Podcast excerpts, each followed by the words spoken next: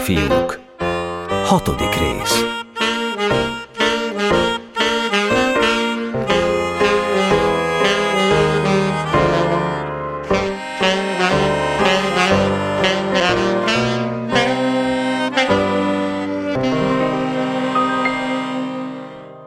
Mikor másnap délután a fiúk úgy fél három körül sorra beszállingóztak a grunt kisajtaján, a palánk belső részén nagy papírlapot láttak, mely négy sarkán négy óriási szöggel volt a deszkákhoz szögezve. A nagy papírlap kiáltvány volt, melyet éjszakája feláldozásával Boka írt. Nagy nyomtatott betűkkel volt pingálva fekete tussal, csak éppen a mondatok kezdőbetűi voltak vérpirosak. A kiáltvány teljes szövege így hangzott. Kiáltvány. Most mindenkinek talpon kell lenni. Birodalmunkat nagy veszedelem fenyegeti, és ha nem leszünk bátrak, az egész területet elveszik tőlünk. Veszélyben a grund. A vörösingesek meg akarnak bennünket támadni, de mi ott leszünk, és ha kell, életünkkel is megvédelmezzük birodalmunkat. Mindenki teljesítse kötelességét. Az elnök. Ma nem volt kedve senkinek sem a métázáshoz. A labda csöndesen pihent Richter zsebében, mert ő volt a labdatáros. A fiúk föl alá járkáltak, beszélgettek a nem sokára elkövetkezendő háborúról, majd újra meg újra visszatértek a palánkra ragasztott kiáltványhoz, tízszer, húszszor is elolvasták a lelkesítő szavakat. Többen már könyv nélkül is megtanulták, és egy-egy farakás tetejéről harcias hangon szavalták le az alant állóknak, akik viszont szintén könyv nélkül tudták, de azért tátott szájjal hallgatták, és miután végighallgatták, visszasiettek a palánkhoz, újra elolvasták, és aztán maguk maguk is egy farakás tetejére másztak, és ők is elszavalták. Az egész csapat tele volt ezzel a kiáltványjal, mely első volt a maga nemében. Igazán nagyon nagy lehetett a baj, és igen komoly a veszedelem, ha Boka arra határozta el magát, hogy kiáltványt bocsát ki a saját legmagasabb aláírásával. Egyes részleteket már hallottak a fiúk. Itt-ott hallatszott Geréb neve, de biztosat nem tudott róla senki. Az elnök különböző okokból jónak látta titokban tartani a geréb ügyét. Többek közt azért is, mert úgy számított, hogy itt a grundon fogja rajta kapni, és itt fogja azonnal törvényszék elé állítani. Arra persze még maga Boka se gondolt, hogy a kis nemecsek a maga szakállára kiszökik a füvészkertbe, és ott az ellenséges hadak táborának kellős közepén világra szóló botrányt csinál. Ezt csak ma délelőtt tudta meg az elnök az iskolában a latinóra után, mikor a pincében, ahol a pedellus a vajas kenyeret árulta, nemecsek félrehívta és mindent elmondott neki. A grundon azonban még fél háromkor is teljes bizonytalanság uralkodott, s mindenki az elnököt várta. Az általános izgatottsághoz járult még egy külön izgatottság is. A gitt egylet kebelében botrány tört ki. Az egyleti gitt kiszáradt. Megrepedezett és használhatatlanná vált, amit úgy kell érteni, hogy nem lehetett többé nyomkodni. Ez kétség kívül az elnök hibája volt, hisz azt talán a történtek után magyarázni se kell, hogy az egyleti elnök kötelessége volt a gittet meg-megrágni. Kolnai, az új elnök ezt a kötelességét a legrútabbul elmulasztotta. Könnyű kitalálni, hogy kinek volt ez ellen leghamarabb kifogása. Barabás volt az, aki szóvá tette. Egyiktől a másikhoz ment, és éles szavakban kelt ki az új elnök hanyagsága ellen. Szaladgálásának sikere is volt, mert öt perc alatt sikerült a tagok egy részét rábírni arra, hogy rendkívüli gyűlés összehívását követeljék. Kolna is ejtette, hogy miről van szó. Jól van, mondta, de a grund ügye most előbbre való. A rendkívüli gyűlés csak holnapra fogom összehívni. De Barabás lármázott. Ezt nem tűrjük. Úgy látszik, hogy az elnök úr megijedt. Tőled? Nem tőlem, hanem a közgyűléstől. Követeljük, hogy még mára hívja össze a közgyűlést.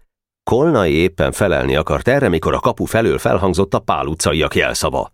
Ha-ho-ho! Ha-ho-ho!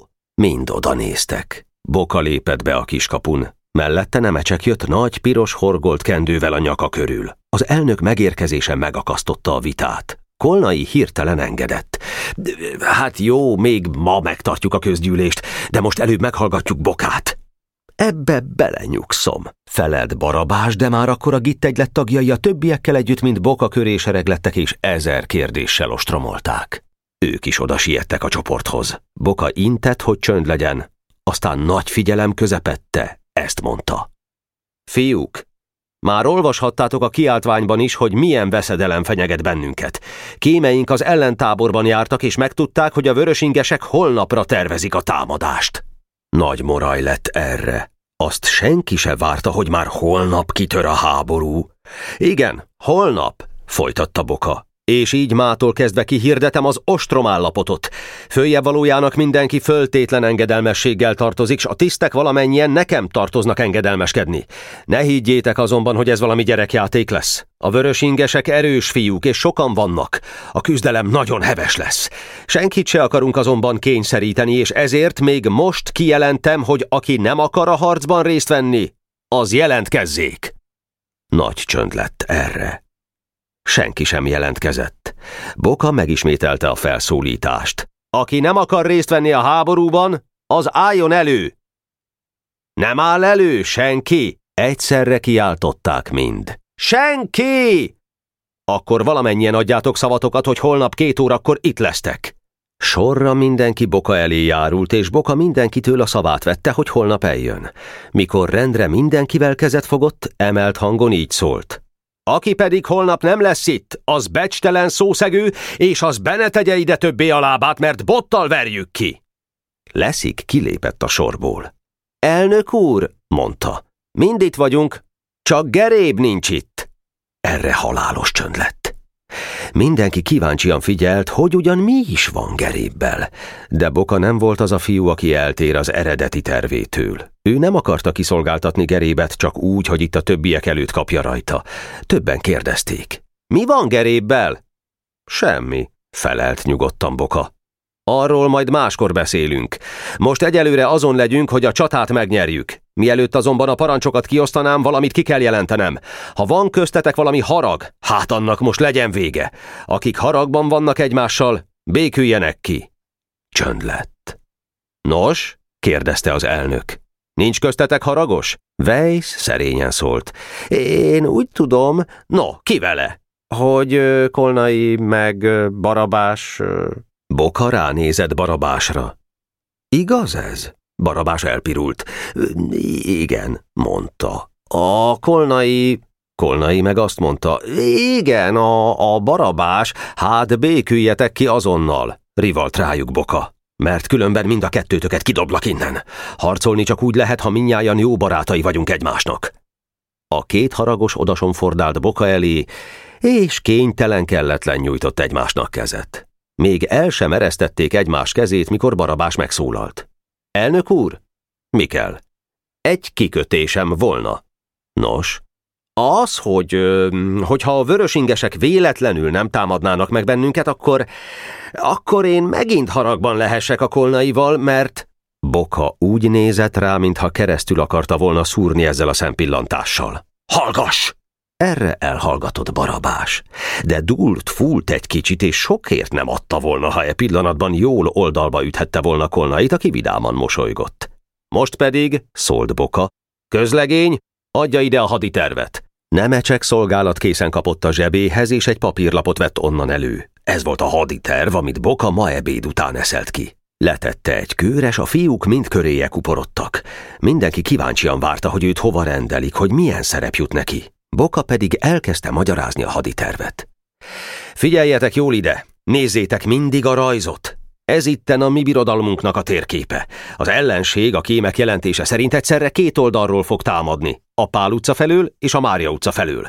Menjünk sorra. Ez a két négyszög, amelybe A és B van írva, jelenti a kapu védelmére rendelt két zászlóaljat.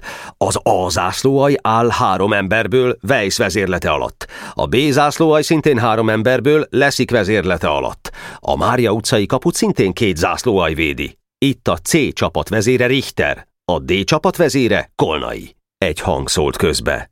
Miért nem én? Ki volt az? szólt szigorúan Boka. Barabás jelentkezett. Megint te! Ha még egy szót szólsz, haditörvényszék elé állítalak, ülj le! Barabás motyogott valamit és leült, Boka pedig folytatta a magyarázatot.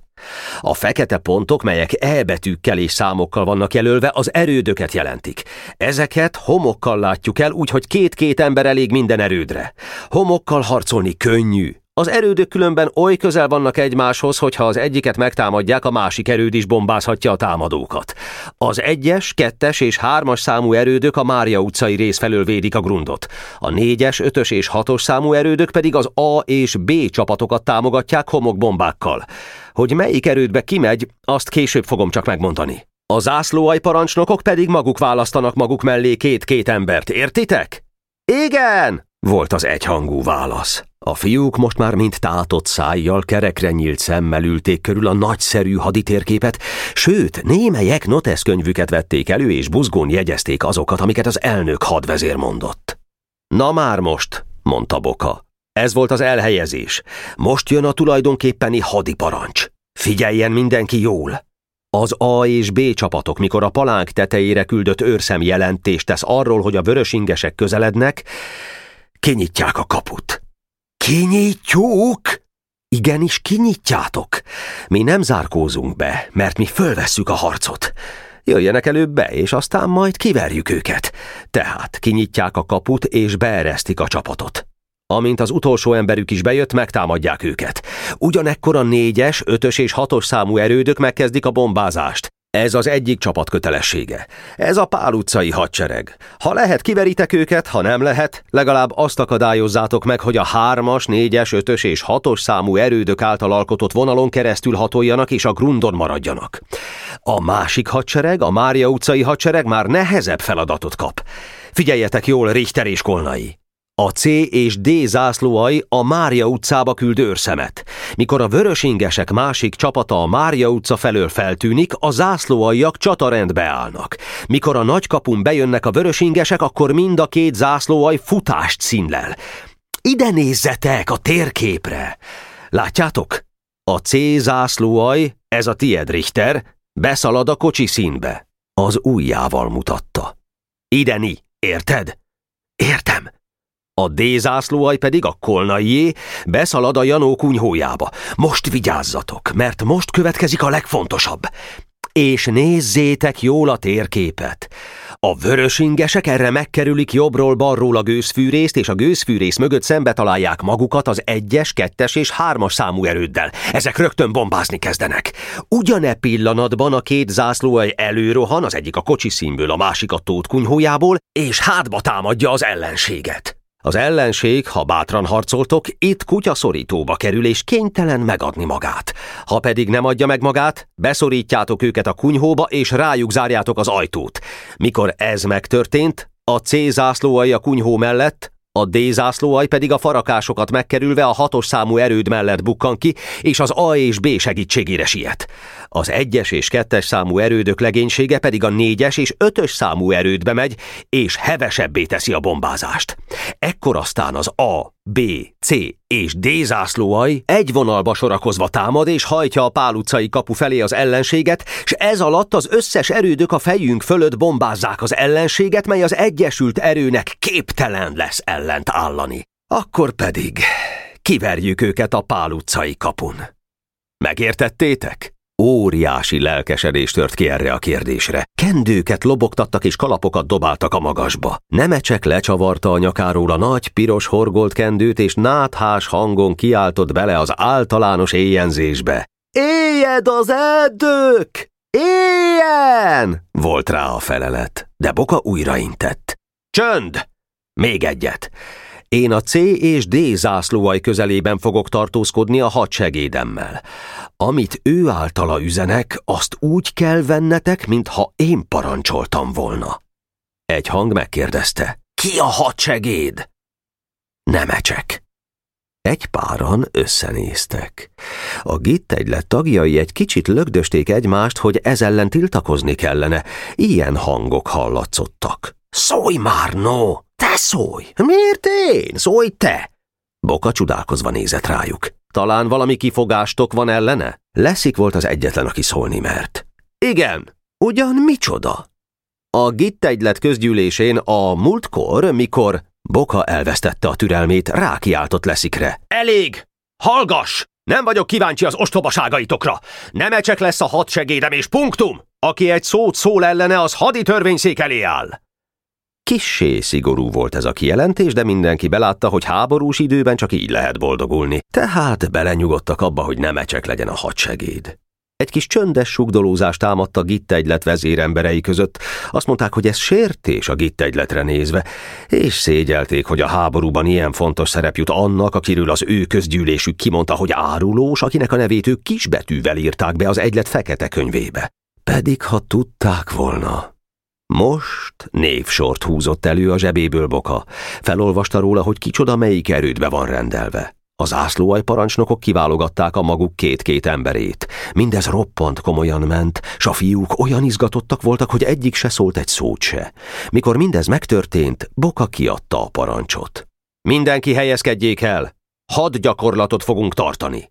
Hirtelen szétszaladtak mind, mindenki a helyére. Mindenki várjon, amíg újabb parancsot nem kap! Kiáltott utánuk Boka. Most magára maradt a grunt kellős közepén nemecsekkel, a hat segéddel.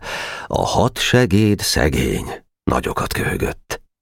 Ernő, mondta neki szelíden Boka, csavard vissza a kendőt a nyakadra. Nagyon meghűtötted magad. Nemecsek hálásan nézett a barátjára, és úgy engedelmeskedett neki, mintha a bátyja lett volna. Visszacsavarta a nagy, piros horgolt kendőt a nyakára, úgy, hogy csak a füle látszott ki belőle. Mikor ez megtörtént, Boka így szólt. Most majd egy parancsot fogok veled küldeni a második számú erődbe. Figyelj jól! De Nemecsek ebben a pillanatban valami olyat csinált, amilyet eddig még soha. Belevágott a följebb valója szavába. Bocsáss meg, mondta, de előbb szeretnék neked valamit mondani. Boka összeráncolta a szemöldökét. Mi az? Itt az előbb a itt egylet tagjai... Ugyan kérlek? Kiáltott türelmetlenül az elnök. Te is komolyan veszed ezeket az ostobaságokat? Igen, felelt Nemecsek, mert ők is komolyan veszik. És én érzem, hogy ők buták, és én nem bánom, ha ők akármit is gondolnak felőlem, de azt nem szeretném, ha te, ha te, ha te is megvetnél. Ugyan miért vetnélek meg? A nagy vörös kendőrojtjai közül pityergőre álló hang felelt. Mert ők kimondták rólam, hogy, hogy áruló vagyok. Áruló? Te? Igen, én. No, erre igazán kíváncsi vagyok és Nemecsek akadozva folytott hangon adta elő a minap történteket, hogy épp akkor kellett sietni, amikor a gittegylet tagjai titkos fogadalmat tettek, hogy ezért rögtön kaptak ezen a vétlenségen, és kijelentették, hogy azért szalad, mert nem mer a titkos egyletbe lépni, hogy áruló és becstelen, és hogy mindez alapjában véve azért történt, mert a hadnagyok, főhadnagyok és kapitányok kezdik rossz néven venni, hogy az elnök nem velük pajtáskodik, hanem minden államtitokba az egyszerű közlegényt avatja be, és végül, hogy be Beírták a nevét a fekete könyvbe csupa kisbetűvel. Mindezt türelemmel hallgatta végig Boka, aztán hallgatott megint. Fájt neki, hogy a fiúk közt ilyenek is vannak. Boka okos fiú volt, de azért azt még nem tudta, hogy más emberek egészen mások, mint mi, s hogy nekünk ezt mindig egy-egy fájdalmas érzés árán kell megtanulnunk. Aztán szeretettel nézett a kis szőkére. Jól van, Ernő, mondta. Csak te menj a dolgod után, és ne törődj velük. Most nem akarok semmit sem szólni háború előtt. De ha egyszer túl leszünk a háborún, majd szétütök én közöttük. Hát most lovagolj hamar az egyes és kettes számú erődhöz, és vidd a parancsot, hogy azonnal másszanak át a négyes és ötös számú erődbe a fiúk. Látni akarom, hogy mennyi időre van szükségünk ehhez az átmászáshoz. A közlegény haptákba vágta magát, mereven szalutált, és ámbátore percben arra gondolt, hogy milyen szomorú az, mikor a háború miatt az ő becsületének a kérdése halasztást szenved, minden keserűségét elfolytotta, és katonásan szólt. Igenis, elnök úr! Azzal galoppozni kezdett. Felporzott utána a föld és a hadsegéd nem sokára eltűnt a farakások közt, melyeknek tetején az erődökből buksi gyerekfejek kandikáltak kitágra nyitott szemmel. Az arcukon látható volt az izgatottság, amely a katonákat is előveszi ütközet előtt, mint ezt a bátor és emberismerő haditudósítók leírásából tudjuk. Boka pedig egyes egyedül maradt a grunt kellős közepén. A nagy darab, bekerített, sík földre elhatott a robogókocsik lármája, de azért Boka mégis úgy érezte, mintha nem volna egy nagyváros közepén, hanem valahol messze, idegen földön, valami nagy mezőségen, ahol holnap egy csata fogja eldönteni nemzetek sorsát. A fiúk egy kiáltást sem hallattak. Mindenki nyugodtan állott a helyén és várta a parancsot. Boka érezte, hogy most minden tőle függ. Tőle függ ennek a kis társaságnak a jóléte, a jövő jövője. Tőle függenek a vidám délutánok, a labdázások, a különféle játékok és mulatságok, melyeket itt űzni szoktak a pajtásai. És Boka most büszke volt, hogy ilyen szép feladatra vállalkozott. Igenis, mondta magában, meg foglak védeni benneteket. Körülnézett a kedves grundon. Aztán elnézett a farakások felé, melyek mögül kíváncsian emelkedett ki a gőzfűrész karcsú vaskéménye, s vígan köpködte a hófehér gőzfelhőcskéket, épp oly vígan és épp olyan gondtalanul, mintha a mai nap is csak olyan volna, mint a többi, mintha nem is volna most kockán minden, de minden. Igen, Boka úgy érezte most magát, mint egy nagy hadvezér a döntő csata előtt. A nagy Napóleonra gondolt és elkalandozott a jövőbe. Hogy lesz? Mint lesz? Mi lesz belőle? Vajon katona lesz-e, igazi, és egyenruhás hadsereget fog-e vezényelni valamikor valahol messze igazi csatatéren? Nem egy kis darab földért, mint amilyen kis darab föld ez a grund, hanem azért a nagy darab édes földért, amit hazának neveznek. Vagy orvos lesz, aki a betegségekkel vív minden nap nagy, komoly és bátor csatát? Csöndesen szállt le a kora tavaszi alkonya, hogy Boka így tűnődött.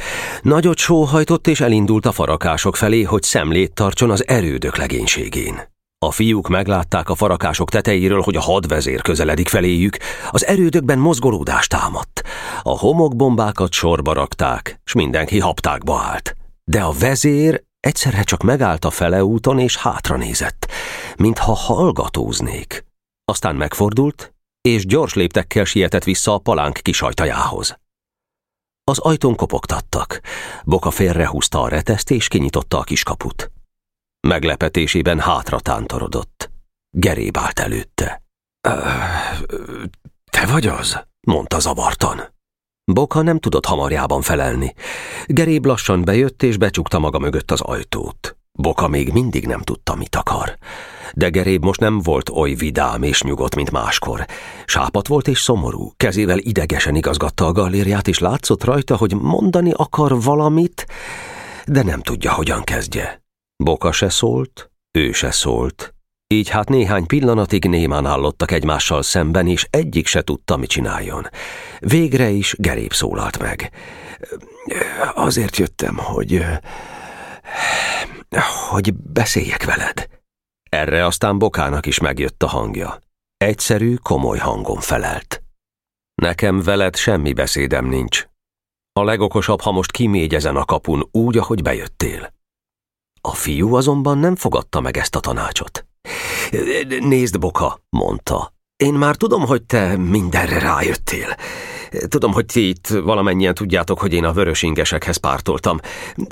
Én most nem mint kém jöttem ide, hanem mint jó barát. Csöndesen szólt Boka. Te ide, mint jó barát, nem jöhettél. Geréb lehorgasztotta a fejét. Arra el volt készülve, hogy gorombáskodni fognak vele, hogy ki fogják kergetni, de azt nem várta, hogy ilyen csöndes szomorúsággal fognak vele beszélni. Ez nagyon bántotta.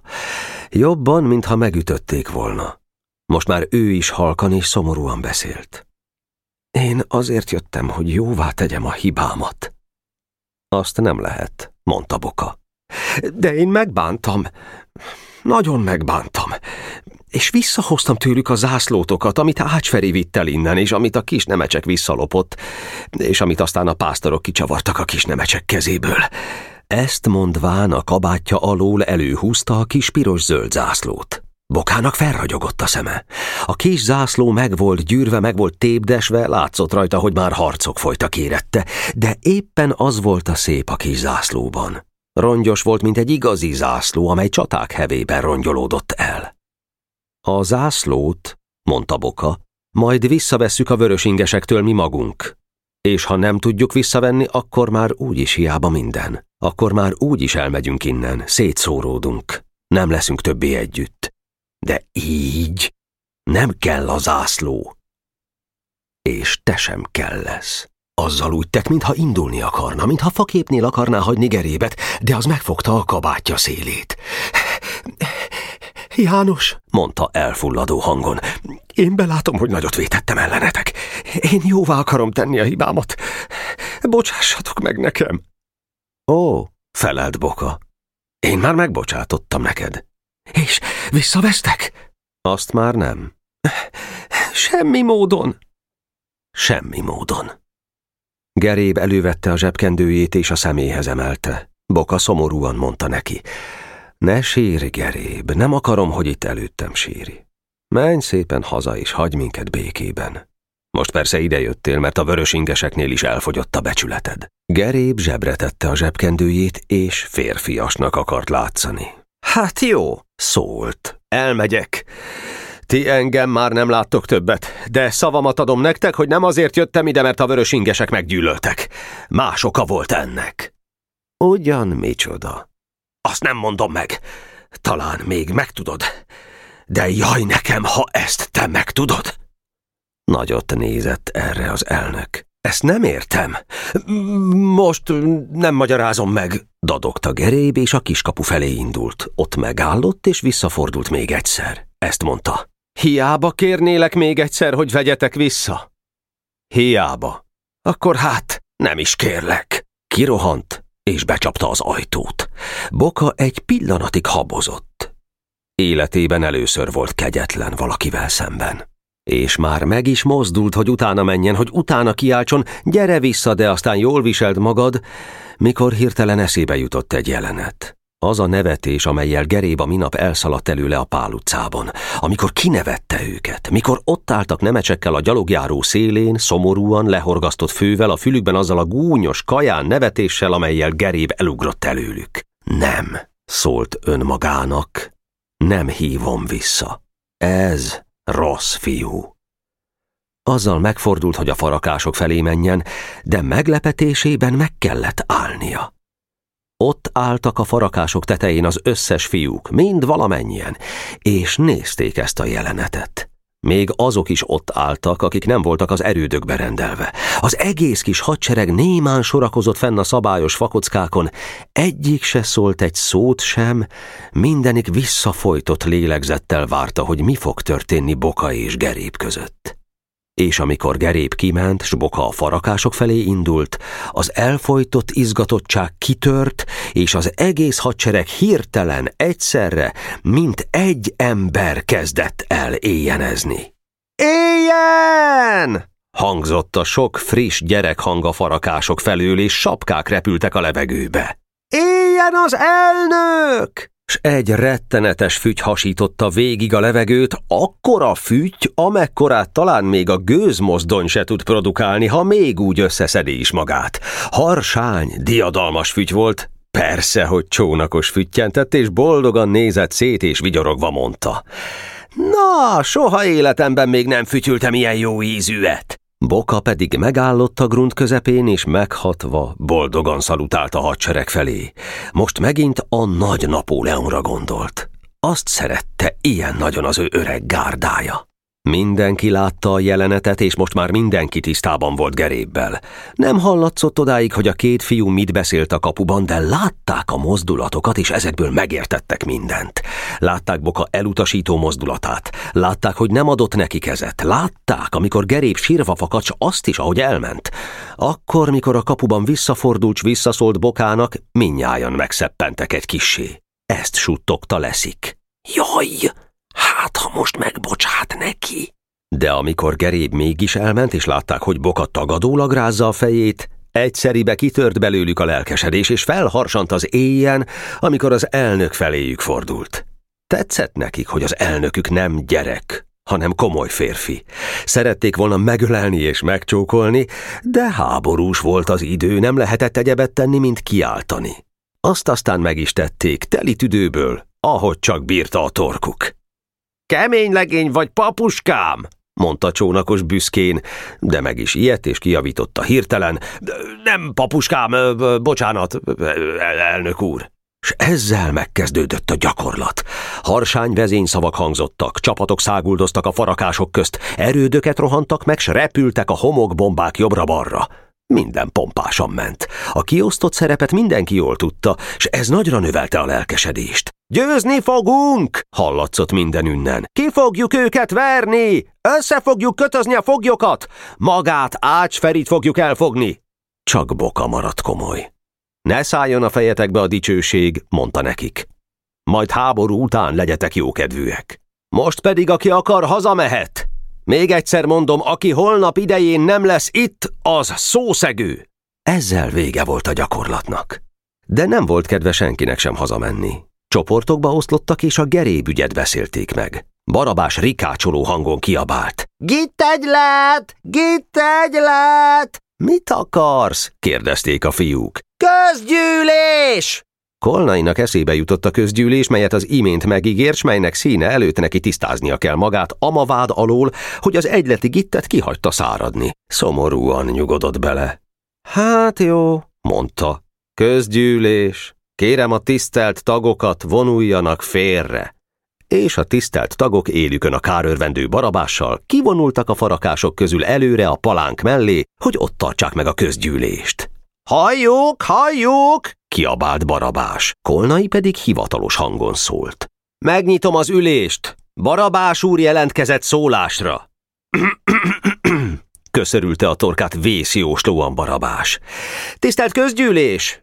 Az elnök úrnak szerencséje volt, mert a hadgyakorlat miatt már majdnem elmaradt ez a gyűlés, mely az elnököt le fogja csapni. Oho, oho! Kiáltotta az ellenpárt.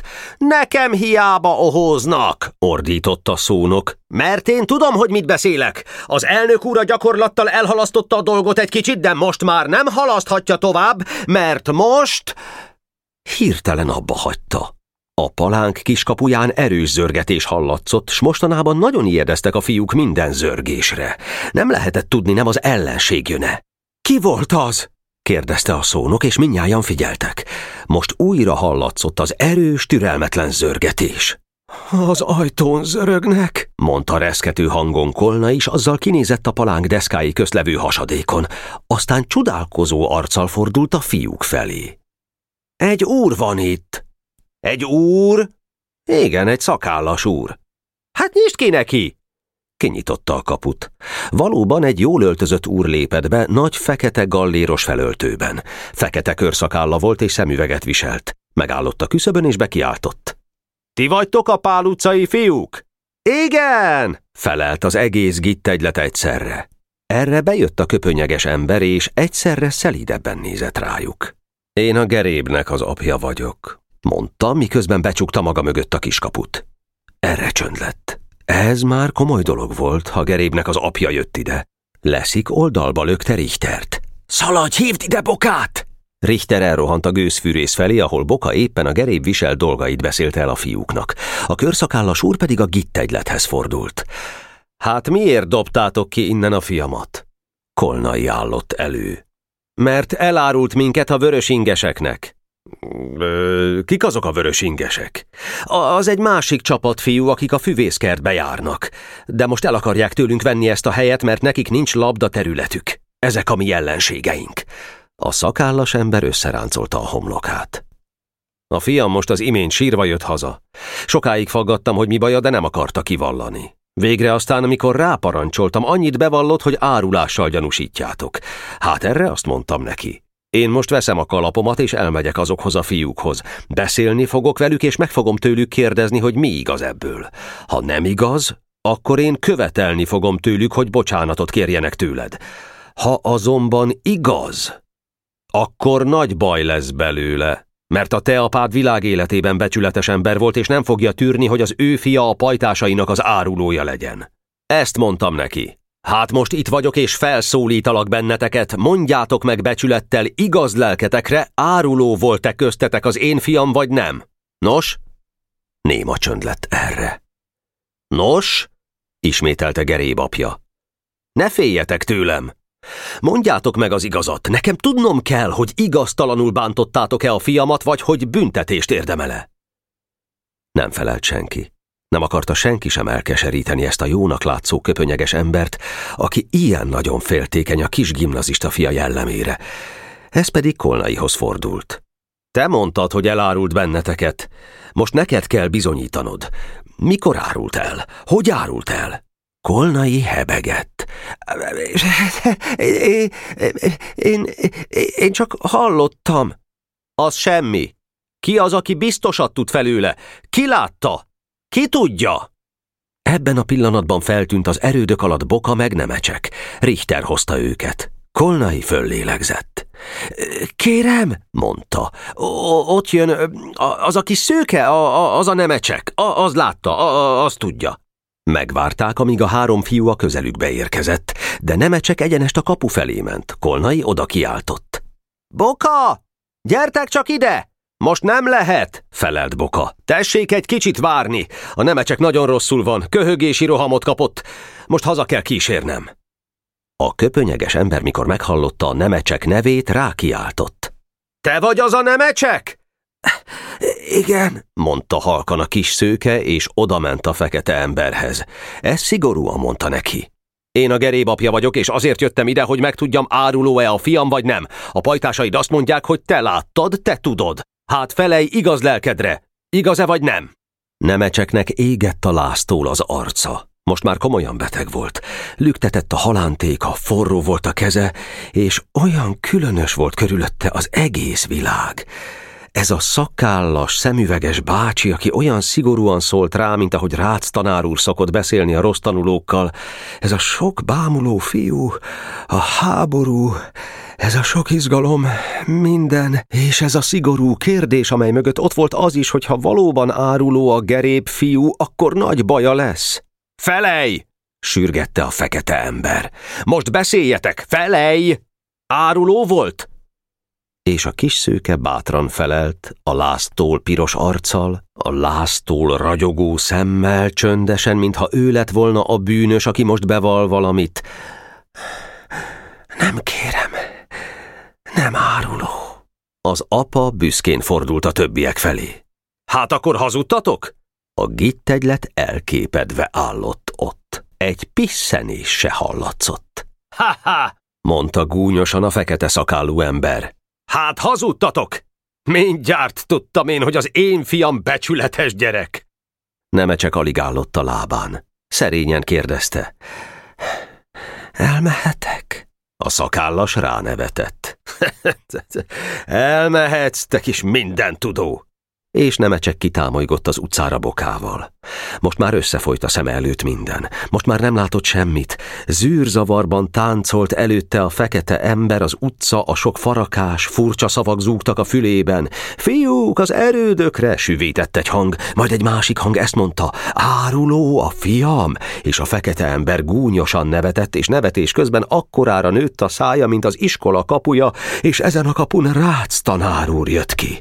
Nemecsek levette a kalapját. Kinek köszönsz? kérdezte tőle Boka, hiszen egy lélek se jár az egész utcában.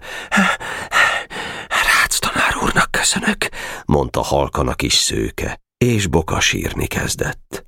Sietve vitte, húzta a sötétedő utcán haza a kis barátját. Benn grundon előállt Kolnai, és ezt mondta a fekete embernek. Kérem, ez a neme csak egy hazug fráter.